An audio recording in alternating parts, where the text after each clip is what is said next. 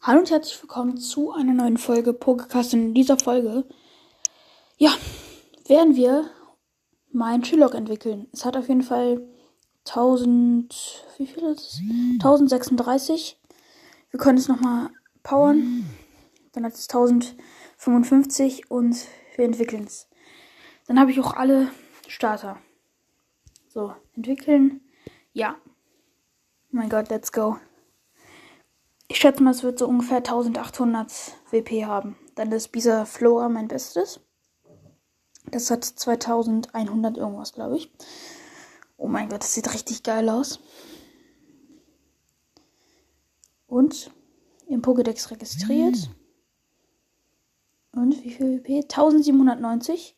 Ja, schon ungefähr so, wie ich das gesagt habe. Und ja, das wird jetzt so eine kleine Infofolge nur sein. Auf jeden Fall ähm, werde ich euch auch unten den Link reinpacken von äh, meinem Discord-Server, weil ich habe gestern schon eine Folge gemacht, aber die kommen irgendwie nicht online. Und ähm, ja, dann wollte ich das einfach, einfach mal noch sagen und ich würde sagen, das war's auch schon.